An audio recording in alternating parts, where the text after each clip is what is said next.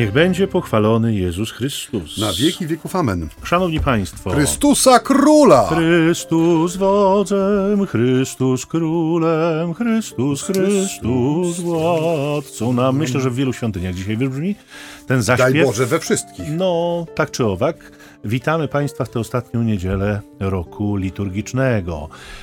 Mój Boże, Mój tak Boże. rok za rokiem i rok za rokiem i całe to nasze życie tak przemija e, w sposób niezwykle e, szybki i zaskakująco wartki. E, My z Państwem nieodmiennie, jeszcze ciągle, prawda, dyszący, ledwo goniący za wszystkim, ale, ale do radia zdążający zawsze. Ojciec Michał Nowak-Franciszkanin I ojciec Maciej Baron Werbista. w naszej audycji między nami homiletami. Czyli ćwierć tony z ambony. Cieszymy się, że jesteście z wami, z nami, nami, wy, z wami, z my z wami. i właśnie wszyscy ze wszystkimi. Cieszymy się. Y, Ewangelię nam dzisiaj proponuje Kościół Mateuszową, dobrze nam znaną, obecną w niedzielę Chrystusa Króla. S- Słuchamy jej z nieco drżącym sercem, a ja postaram się mniej drżącym głosem Państwu tę Ewangelię przytoczyć. Proceduj, ojcze, proceduj. Proceduję.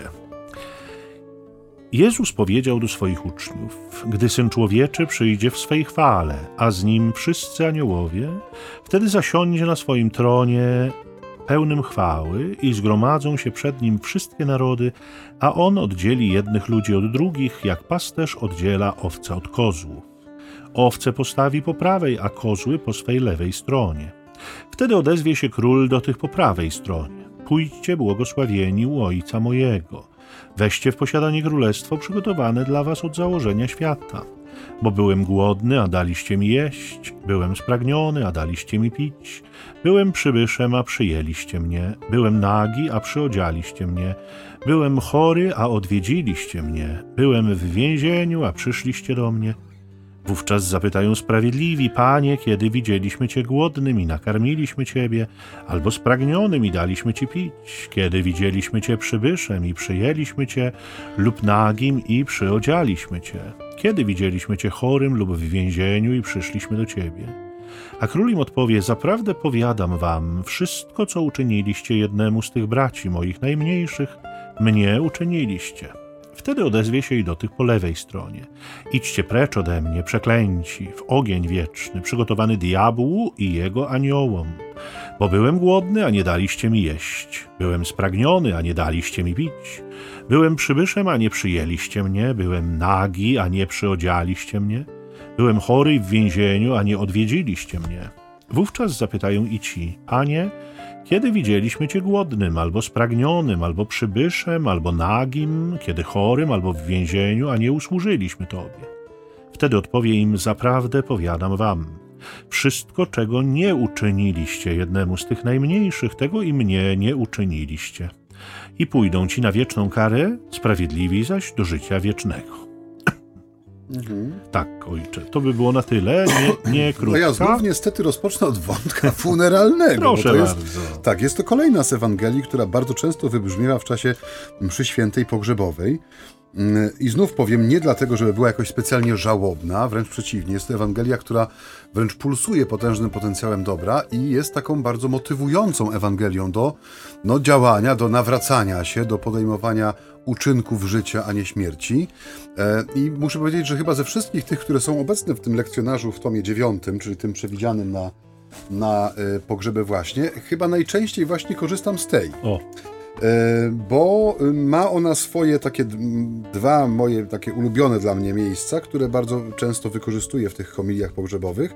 Tak jak ojciec Michał przypomniał nam to, nie dlatego, żeby to były msze no, w jakiś sposób, nie wiem, wyjątkowe czy szczególne, ale ze względu na to, bo mają taką samą godność jak każda inna Eucharystia przyrodzoną, są miejscem uprzywilejowanego spotkania z Panem w słowie i w sakramencie ołtarza, ale dlatego, że są na nich ludzie, którzy bardzo często nie narzucają się Panu Bogu. W sensie, no, bywają w kościele od wielkiego dzwonu i tym wielkim dzwonem właśnie bywa często no, pogrzeb, śmierć kogoś bliskiego, kochanego, kogo się znało, z kim się dzieliło życie. I w tym też kontekście warto zaadresować to słowo ze specjalną myślą o tych, którzy no, nie czytają książek teologicznych do poduszki, tak? mówiąc tak bardzo oględnie. Bo co mnie uderza w tym tekście, który Jezus wypowiada do swoich e, uczniów, to jest ta znów ta skala Boża skala, z jaką patrzy Pan na rzeczywistość. Nie?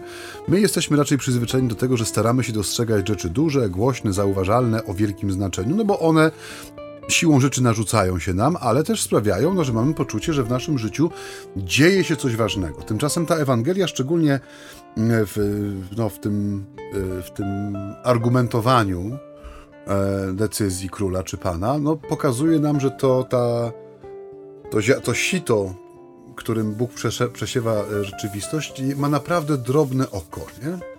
że przez nie nie przepadają tylko i wyłącznie wielkie kamienie czy wielkie głazy, ale zatrzymuje nawet ziarnko piasku. Nie? I, I, to zdziwienie, które towarzyszy mm, mm, adresatom tych słów, Panie, kiedy widzieliśmy Cię, nie? autentyczne zdziwienie, no bo słyszą słowa, których się nie spodziewali w tej okoliczności no, dosyć istotnej, czyli tego sądu nad narodami, tak? czyli sądu, któremu poddany będzie każdy bez wyjątku. I być może nam to mm, doświadczenie sądu, jakie my mamy po naszej stronie kalendarza, no z reguły no, sądzi się człowieka za jakieś no, sprawy poważne, tak? No, w sensie do pomniejszych wykroczeń jest kolegium do spraw wykroczeń, czy mandat, czy upomnienie, tak? No jeżeli ktoś staje przed sądem, to raczej dotyczy to kwestii dosyć istotnych dla niego, wiążących się czasami z zagrożeniem kary finansowej, czy też, nie wiem, czasu pozbawienia wolności, czy też innej zmiany w życiu, która no, jest odczuwalna. Więc myślimy automatycznie, że chodzi o rzeczy wielkie. A tutaj to sito, tak jak mówię, jest drobniutkie, nie? To jest szklanka wody, to jest chwila czasu, to są odwiedziny, nie? To jest przykrycie na gości, nie? Czyjejś. I yy, nie jest to symboliczne użycie tych słów, nie? Bo Jezus potwierdza jak gdyby, że mówi poważnie, używając na koniec tego słowa cokolwiek, nie? Uczyniliście, cokolwiek. Nie ma tego kwantyfikatora, że wszystkie rzeczy powyżej kalibra powiedzmy 0,75, które popełniliście względem mnie i moich uczniów, to mnieście uczynili, tak? Nie, cokolwiek, nie?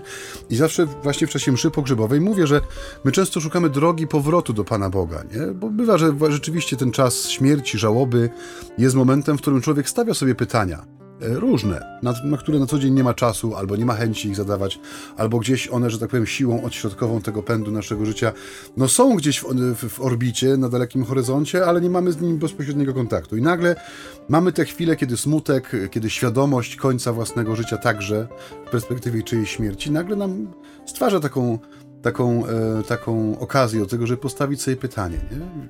Czy, czy, czy, czy ja wierzę w to, że jest coś potem, tak? Czy ja wierzę w to, że moje życie to jest coś więcej niż suma oddechów i uderzeń serca?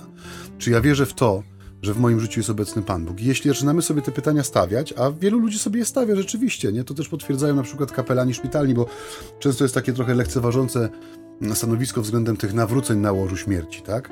I jest taka fantastyczna książka kilku kapelanów więzi Boże, więziennych, szpitalnych ją napisało, między innymi jeden posługujący w hospicjum, tym katowickim, że to są najbardziej autentyczne z nawróceń. Bo one często są owocem tego, że człowiek rzeczywiście wykorzystuje czas sobie dany w sposób najlepszy z możliwych. To nie jest tylko i wyłącznie, że to jest mit, że są to nawrócenia takie, że ktoś się już trzyma jedną ręką prześcieradła i, i, i z lęku przyjmuje chrzest, z lęku prosi o spowiedź. Tak nie. Bardzo często, owszem, jest gdzieś na etapie tego nawrócenia lęk przed śmiercią, przed umieraniem zwłaszcza, ale to jest bardzo często dojrzała decyzja wynikająca z dobrze przeżytego czasu. Że nagle ten człowiek ma czas, to, to szpitalne łóżko, które no, wydaje nam się e, więzieniem, tak? no bo jestem ograniczony w swojej mobilności, tak? w rzeczach, które mogę uczynić, bo z otworów ciała wystają mi rurki, przewody, kable, wszystko jest monitorowane, tak? nie mogę się swobodnie poruszać, podejmować rzeczy, które bym chciał robić że widzimy ten czas jako czas takiego zawężenia i uwięzienia, ale właśnie ten czas, który nagle się pojawia, bywa, że jest bardzo dobrze przez tych ludzi wykorzystany, bardzo mądrze wykorzystany, na pewne uporządkowanie także swojego wnętrza. I owszem, no można z tego szydzić, tak, że no, jak trwoga to do Boga, chociaż jest to bardzo krzywdzące i bardzo złośliwe w odniesieniu do tych ludzi, którzy y, na, na szpitalnych łóżkach czy hospicyjnych oddziałach jakiś dokonują pewnego przewartościowania, bo bardzo często oni ten swój czas przeżywają naprawdę bardzo świadomie i bardzo owocnie. W sensie, że jak to y, mówiliśmy już któregoś razu tutaj, że ta ich śmierć to jest dobra śmierć, w sensie dobrze przygotowana śmierć, nie? Nawet gdyby mm, powiedzenie, jak trwoga to do Boga było prawdziwe, to dlaczego nie?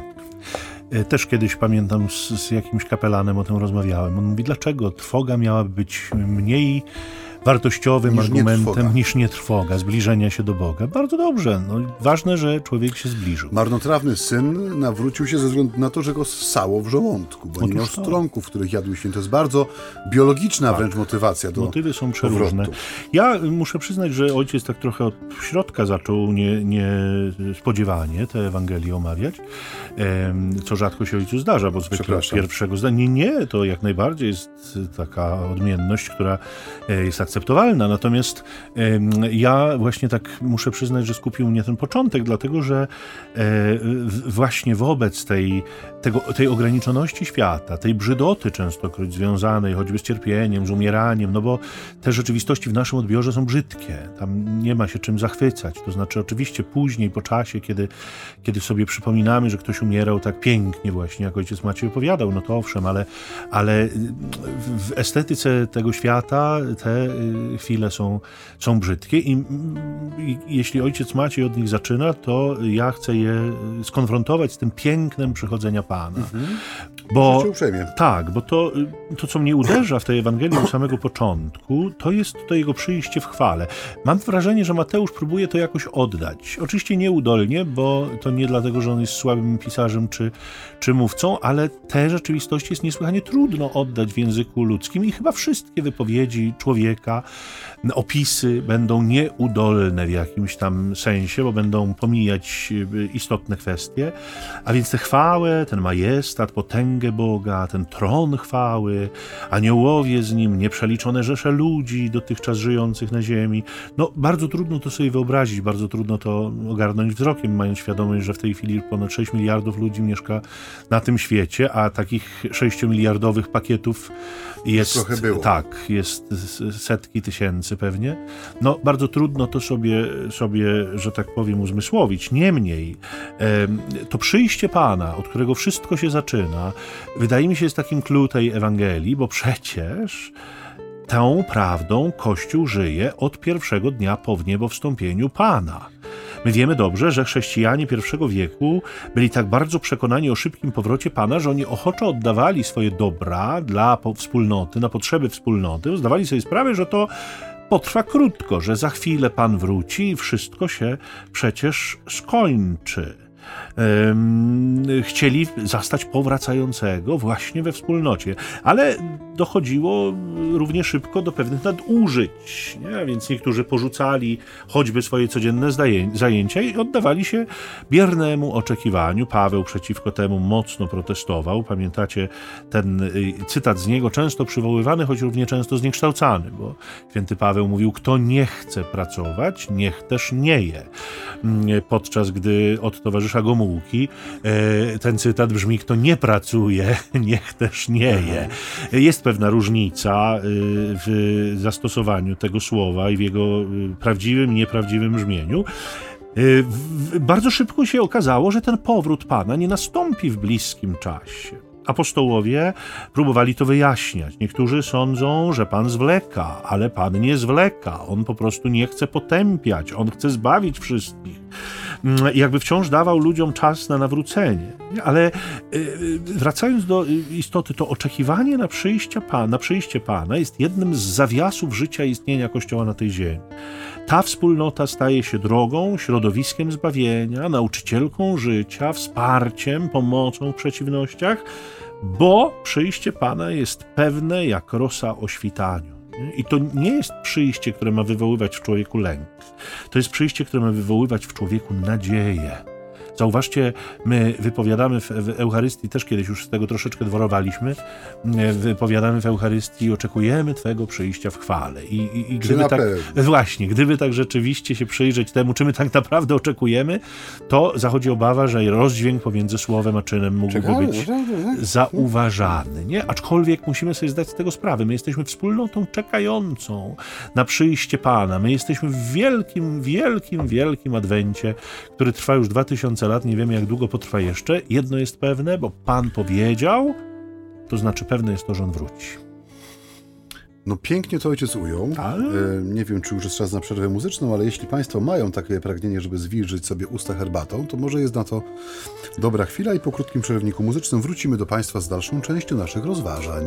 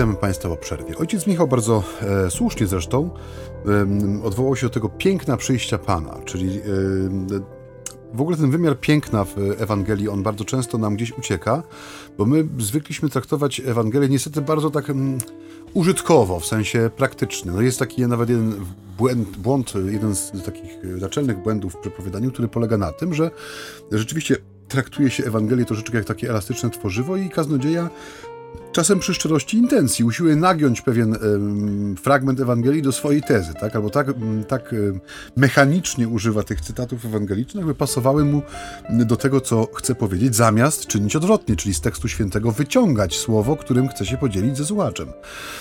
I przy takim traktowaniu Słowa Bożego rzeczywiście to piękno Ewangelii, które jest y, żywe, jest autentyczne, gdzieś nam ucieka, nie? Zauważmy, że dzisiaj jeżeli mogę ten wątek pociągnąć, czy ojciec ma jakąś następną odkrywczą myśl? Proszę śmiało.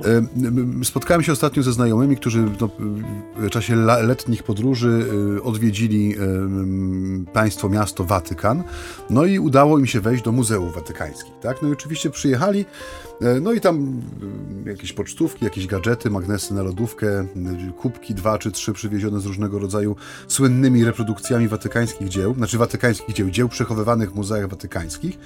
No i oczywiście siedzą przy stole, no i znajoma mówi, że czegoś takiego no, trudno sobie wyobrazić. Ogrom tej kolekcji, prawda, to ile czasu potrzeba, żeby te muzea zwiedzić, ten, ten niesamowite piękno tych rzeźb, obrazów z różnych epok, sposób ich ekspozycji, E, no to, że tam są oczywiście te, te dzienne kolejki są ograniczone, żeby ich też nie niszczyć, więc sam fakt, że się człowiek załapał tam w tym wakacyjnym sezonie już był niesamowity, no ale kolega z kolei mówi, no, no gdyby to wszystko sprzedać, prawda, i pieniądze rozdać ubogim, e, to byłby z tego większy pożytek, no po co przecież to, to kosztuje, utrzymanie, ochrona, systemy, prąd, światło, na co to komu, e, te marmury, prawda, te posadzki polerowane, no, rozebrać, z tego postawić osiedla dla ubogich gdzieś. No. że zmierza ojciec ku pewnemu trans transcendentalium.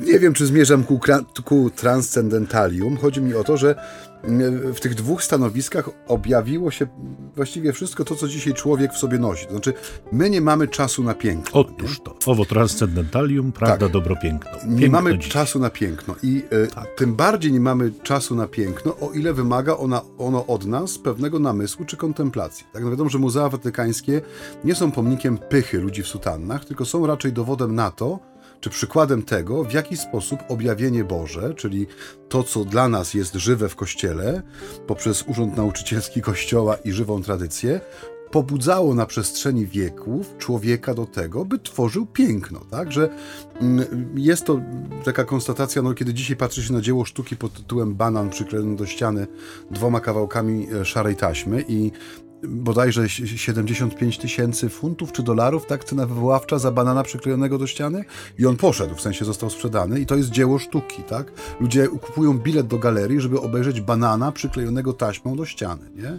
Tudzież pana, który ostatnio, słynny, słynny artysta Banksy bodajże się nazywa, tak? Że po raz pierwszy zgodził się wziąć udział w aukcji, wylicytował dzieło, które nazwał Autodestrukcja, czy jakoś podobnie i po wylicytowaniu tego dzieła w ramię tego obrazu była umieszczona niszczarka i obraz kupiony przez właściciela zjechał przez tą niszczarkę prosto do kubła pod spodem, tak?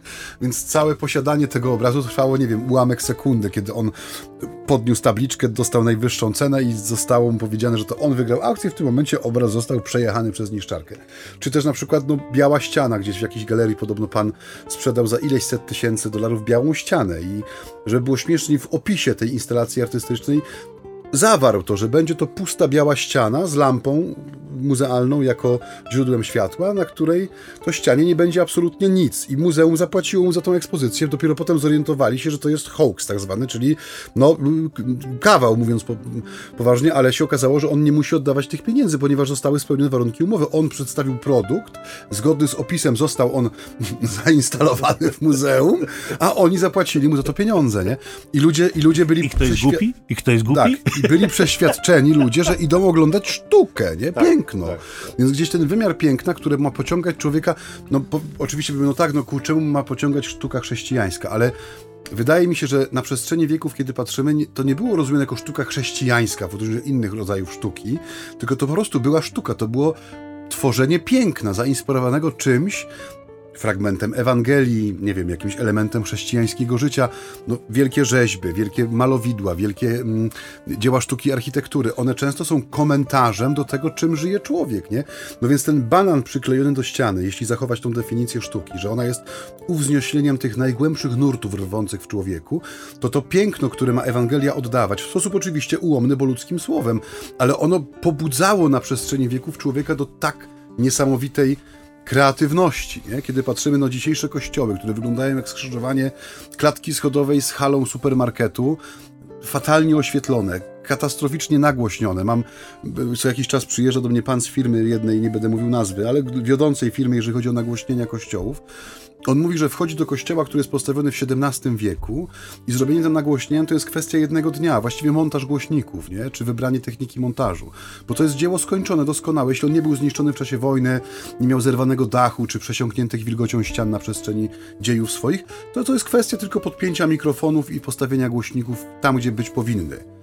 Mówi, dzisiaj, żeby nagłośnić Kościół, czasami potrzeba tygodni, pomiarów, bo to są dzieła, które przeczą i naturze ludzkiego słuchu, i prawom fizyki, tak? Ale no, ktoś to zaakceptował. Ktoś stwierdził, że tak, to odpowiada dzisiejszemu standardowi piękna, nie? Kiedy to tak naprawdę jest brzydkie, nie dlatego, że ma różowe ściany i niebieską posadzkę, tylko jest brzydkie także w tym, czego, tego, czego nie widać, tak? Chociażby właśnie w tym, że nie można go nagłośnić, bo dźwięk się wiecznie odbija od jakichś dziwnych krzywych, od jakichś załomów, prawda?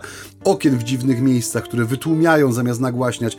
To pokazuje, że myśmy gdzieś dzisiaj zgubili ten wewnętrzny pociąg do uwznieślenia tego, co w nas jest naj, najgłębsze, poprzez chociażby sztukę, tak? No i dla nas dzisiaj sztuką jest banan przyklejony dwoma kawałkami srebrnego no, tak. duct tape'a do ściany.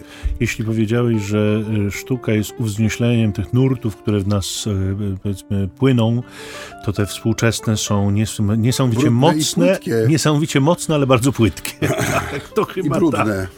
To jest prawda. Ja wrócę do, do kontekstu przyjścia Pana i tego, dlaczego ta Ewangelia jest źródłem nadziei, bo bo tak jakby ją odczytuje, nie, nie postrachem dla nas, tylko źródłem nadziei. Z prostej przyczyny, drodzy Państwo, ponieważ my znamy kryteria, które uczynią nas w czasie tego sądu bezpiecznymi. Jezus nas, czy ich przed nami w żadnym wypadku nie ukrył. On nam te kryteria wskazał i dzisiaj skądinąd je również przypomina mm, od zawsze i na zawsze. Zasadniczym kryterium przynależności do grona owiec jest miłość praktyce. Miłość, którą my tu oczywiście nie jeden raz próbowaliśmy definiować, definiować a dzisiaj jakby kolejne jej oblicze, o którym już Maciej delikatnie wspomniał, e, e, ja bym je nazwał tak dla swoich potrzeb własnych miłością otwartych oczu. E, nie tak dawno czytałem e, taką opowieść o pewnej francuskiej rozgłośni radiowej, która lata temu, lata temu ogłosiła konkurs na esej no, pod tytułem bodaj W jaki sposób miłość zmienia świat.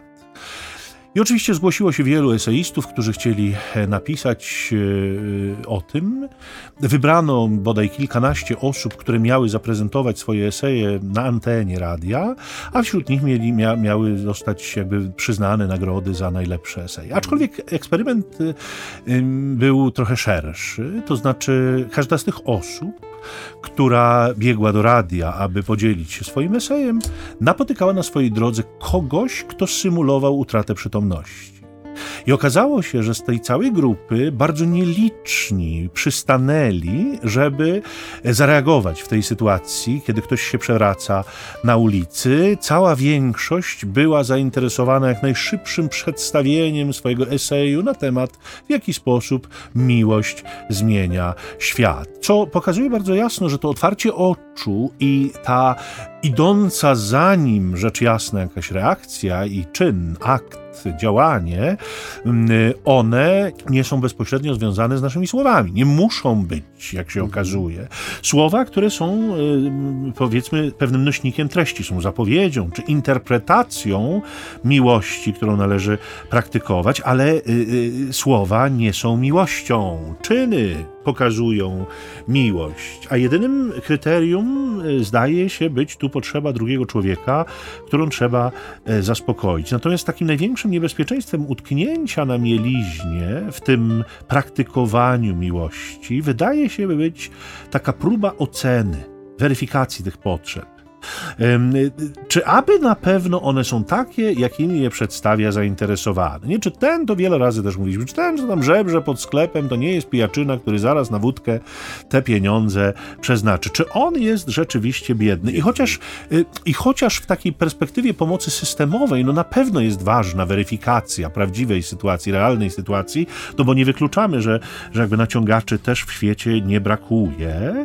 Mm, natomiast y, y, jest bardzo, bardzo wiele tych sytuacji czy przypadków, które przywołuje Jezus, które, jak mówił Maciej, dotyczą rzeczy niesłychanie prostych, zupełnie niewymagających wielkich posług, mhm. które domagają się zwyczajnego opuszczenia strefy własnego komfortu, które domagają się małego, drobnego gestu częstokroć, no bo jeżeli mówimy o odwiedzeniu y, człowieka potrzebującego, no w tym przypadku więźnia, ale przecież to może być chory w szpitalu, ale to przecież może być sąsiadka leżąca, ale to przecież może być ktoś, kto, kto dopiero wyszedł z jakiegoś szpitala i jest w domu, nie może się jeszcze ruszać. No, proste rzeczy. Kogoś, kto, kto jest spragniony, kto, kto y, ma taką potrzebę, no to nie jest coś, co kosztuje mnie nie wiadomo ile. Nawet jeśli w duchu przyzwoitości starożytnej wezmę tego banana i dwie mandarynki, bo to trzeba coś do tego szpitala zanieść choremu. Taka była, zawsze było takie przekonanie.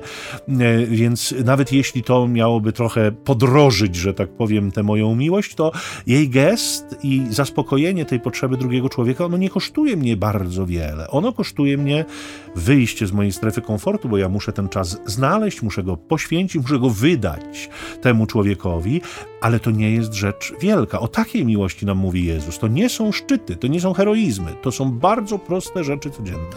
Tu mówiłeś w zeszłym tygodniu o tych widełkach, które są bardzo szerokie, tak. prawda?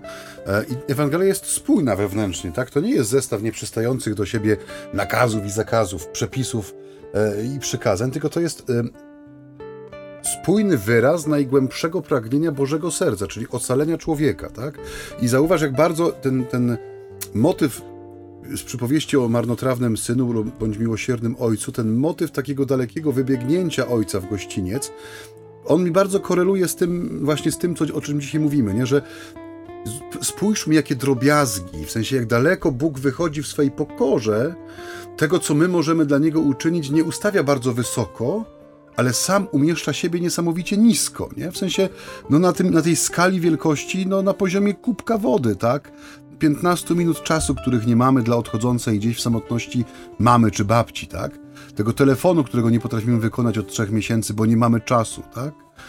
Tego właśnie, żeby chociażby wyjąć, y, wyjąć, chociaż raz zaryzykować, wyjąć ten pieniądz z portfela i dać w tą rękę, która jest wyciągnięta, nie spodziewając się zwrotu. Że to są takie mm, rzeczy, momenty, które z jednej strony wymagają od nas faktycznego sprzęgnięcia razem naszego systemu wartości, tak? Ufności czy wiary i konkretnego uczynku, że, że to, to, są cały czas szanse, które daje nam opatrzność Boża na to, żebyśmy chociaż tym, co właśnie małe i drobne pokazali, że potrafimy miłość praktykować, nie tylko o niej marzyć, nie tylko o niej mówić, ale ją czynić, tak, obecną. Zobacz w jakich drobiazgach, nie? że to nie są rzeczy wołające o jakieś wielkie zaangażowanie sił, środków, czasu, ale to są absolutne drobiazgi, bo może być taka proza żywota, która no, bardzo często gdzieś tam między palcami nam ucieka razem z kolejnymi dniami, tygodniami, miesiącami. Nie wiem, czy zauważyłeś, y, mnie się to bardzo rzuciło w oczy w tej Ewangelii, że y, y, nikt tu z Jezusem nie dyskutuje. W poprzednich tygodniach mieliśmy najpierw panny nieroztropne, które próbowały wpłynąć na decyzję sędziego, pukając i wołając: Panie, otwórz nam. W kolejną niedzielę mieliśmy sługę, który próbuje w jakiś nieudolny sposób się wybronić, znaleźć jakieś wyjście. E, no, te, te wizerunkowe kwestie, o których mówiliśmy bodaj trzy tygodnie temu, e, albo i cztery, e, tutaj też wchodziły mocno w grę. Natomiast dzisiaj mamy ludzi, którzy wyłącznie pytają, kiedy i w jakich okolicznościach świadczyli bądź odrzucili miłość do Jezusa, którą ten łączy z miłością do człowieka, nie? Bo jak nam powie święty Jan, nie możesz kochać Boga, którego nie widzisz, nie kochając bliźniego, którego widzisz. I to dla mnie są zawsze bardzo uderzające słowa, nie? Bo mamy mnóstwo ludzi, którzy zapewniają o takiej miłości do Boga, że po prostu klękajcie narody. Natomiast y, w najbliższej rodzinie y, y, wrogość, nienawiść o trzy tysiączki, które babcia zostawiła i które trzeba podzielić i nie można tego zrobić w duchu pokojowym. Nie? Więc, y, y, y, żeby tak już zupełnie do konkretnego przykładu się się odwołać. Więc y, y, ta miłość bardzo, bardzo konkretna, y, nie ma tutaj dyskusji, wyrok jest bezdyskusyjny. Zastanawiam się, z czego to wynika. Być może jest tak, że majestat Chrystusa to sprawia, a być może siła samej prawdy, bo mamy takie powiedzenie, nie? że prawda broni się siłą samej prawdy. Co sugeruje, że prawdy nie trzeba się, nie trzeba bronić, jej się nie da obronić nie? Niczym innym jak samą prawdą właśnie. I chyba tak postrzegamy sąd Chrystusa. To znaczy, człowiek, jak Maciej mówił, zobaczy swoje winy w całej ich rozciągłości i ich widok, sam ten widok sprawi, że nie będzie w stanie dyskutować z Bogiem. To jest to, o czym mówił, mówiąc o, o widoku z kamery. Ten, ten kamerzysta będzie patrzył na to, co nagrał.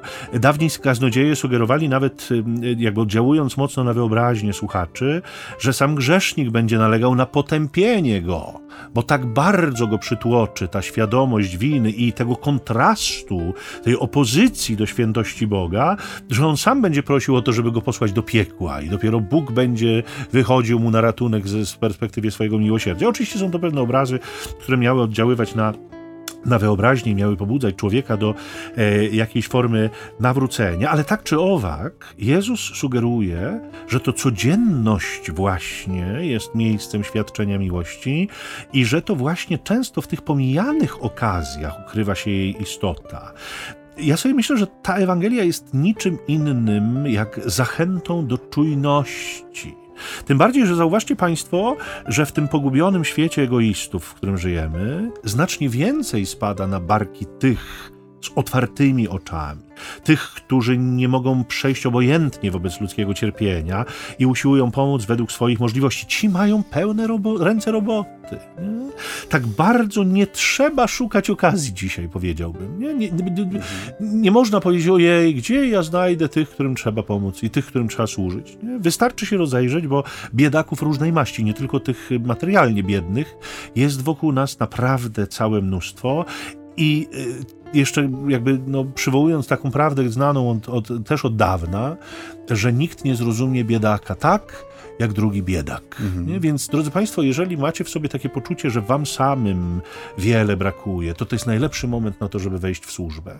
Jeżeli człowiek ma taką świadomość, że sam niewiele ma, a jeszcze w tej perspektywie tego nie mam nie jestem bogaczem, nie mam co dzielić, a jeszcze właśnie w tej perspektywie jest w stanie wpuścić drugiego człowieka do swojego życia i dać mu udział w tym niewiele, które ma sam, czy to będzie czas, czy to będzie pieniążek, czy to będzie zainteresowanie, czy to będzie jakaś postawa miłosierdzia, czy to będzie towarzyszenie, czy to będzie, nie wiem, dobra rada, cokolwiek. Nie, nie mam wiele, ale dam ci to, co mam. To wydaje się być prostą drogą do stanięcia po stronie prawej, po stronie owiec, owiec, czyli tych, którzy, którzy należeli do tego stada Chrystusowego, którzy rozumieli, czym jest miłość. Mówiliśmy sobie to kilka tygodni temu, że miłość jest wyjściem z siebie i jest wejściem w postawę pewnej ofiarności. Więc jeżeli, drodzy Państwo, y, kusi Was, żeby kochać, to to jest proste. Dzisiaj nam na koniec roku liturgicznego Pan przypomina, że to jest proste. Dlaczego to musi być proste?